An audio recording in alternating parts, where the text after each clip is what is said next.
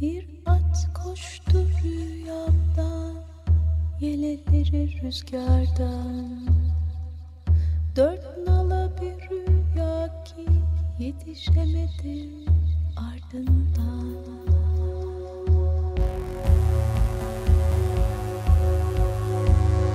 Ebedi yok oluş. Forever extinct. Hazırlayan ve sunanlar Virginia Patrone ve Çiğdem Fidan.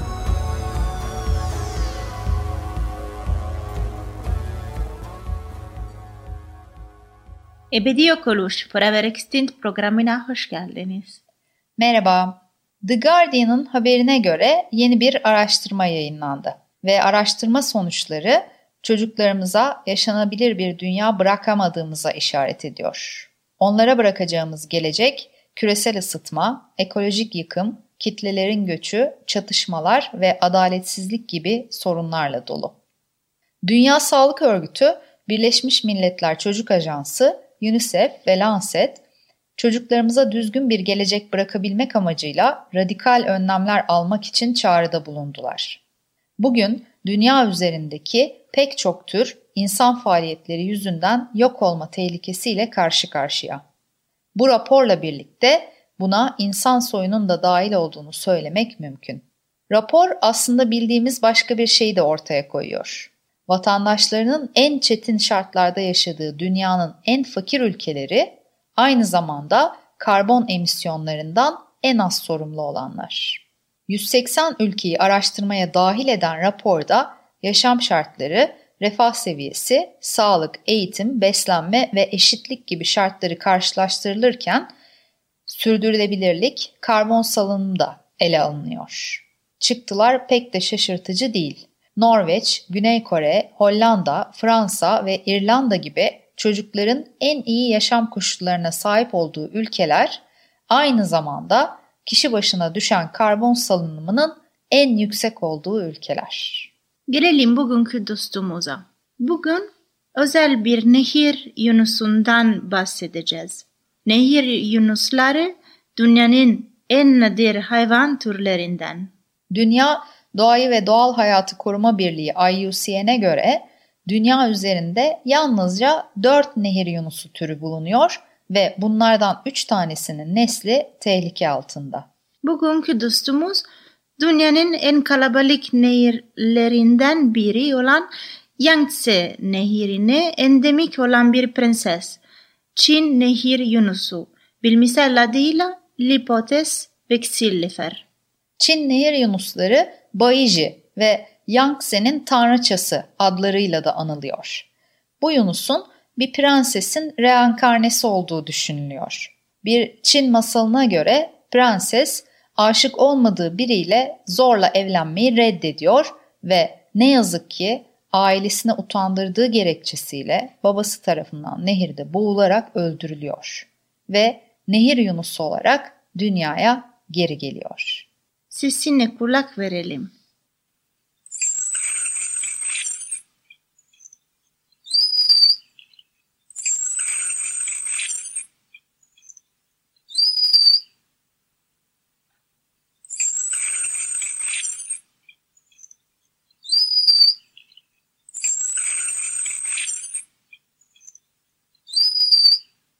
Dostumuzun fiziksel özelliklerine bakacak olursak yetişkin bayijilerin boyu yaklaşık 2,5 metre kadardı.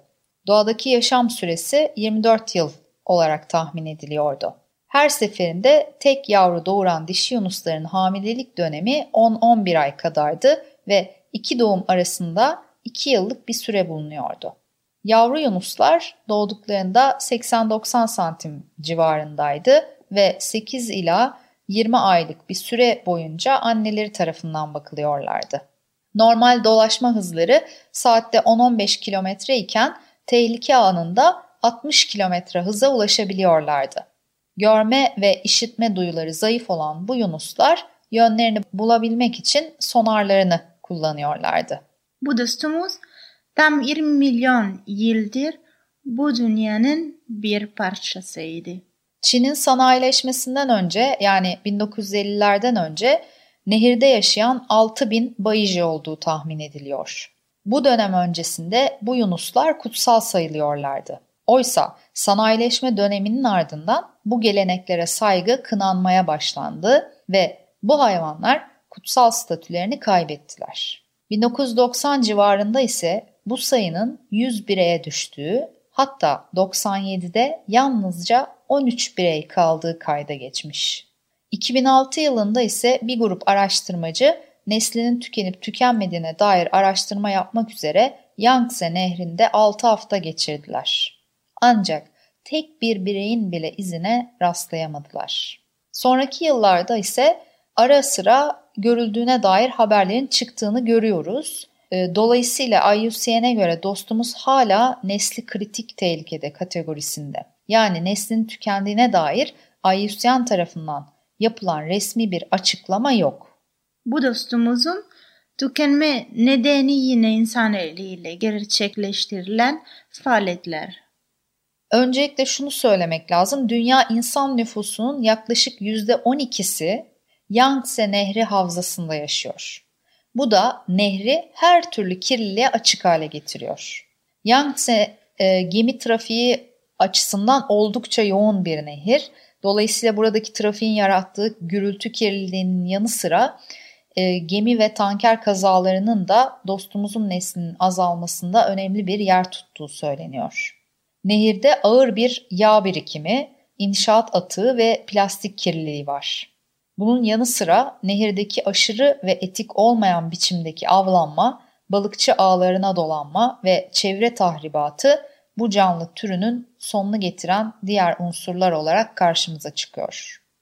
Nehrin ekosistemini mahveden ve Bayiji'nin neslinin tükenmesindeki son etkenin ise Yangtze Nehri üzerine kurulan Tri Gorges Dam, Üç Boğaz Barajı olduğu ekleniyor.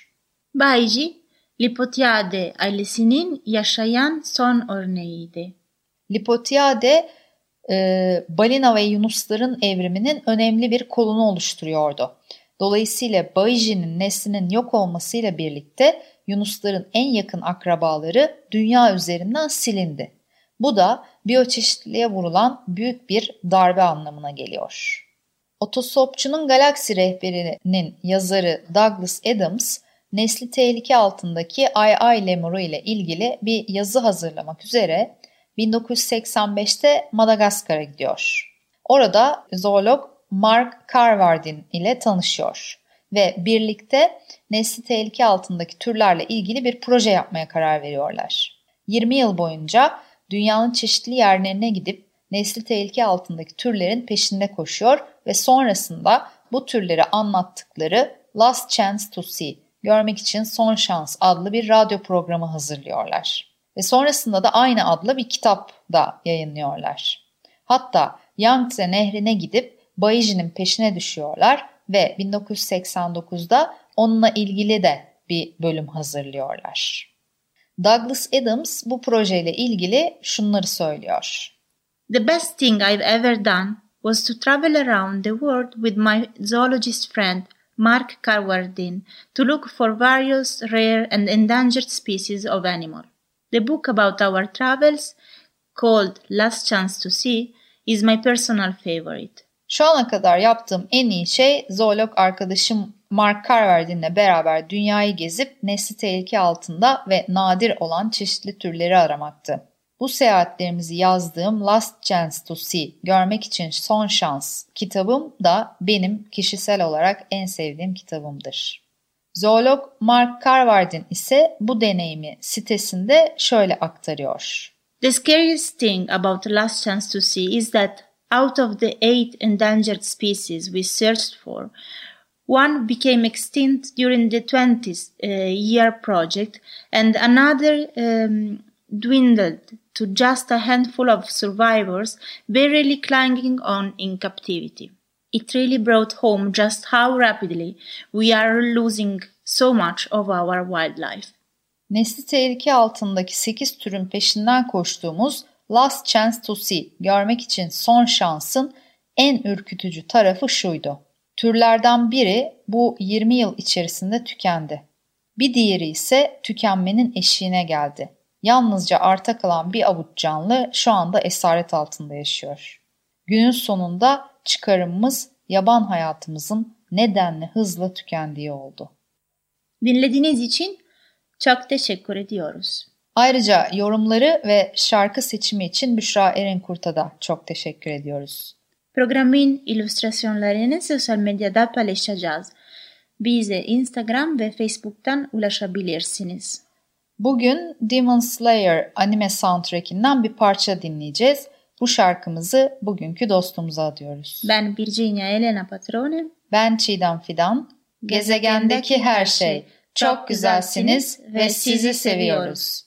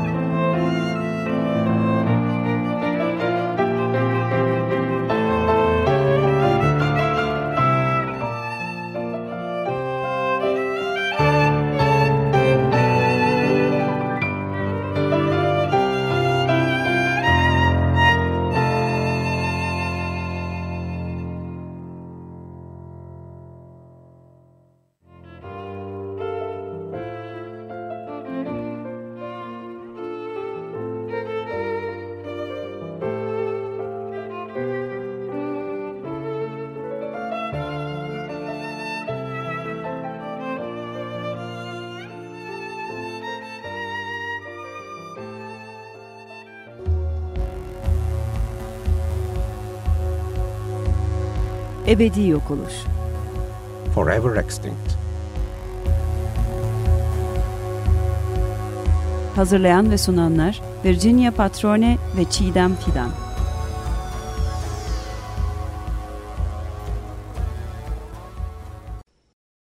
Açık Radyo program destekçisi olun. Bir veya daha fazla programa destek olmak için 212 alan koduyla 343 41 41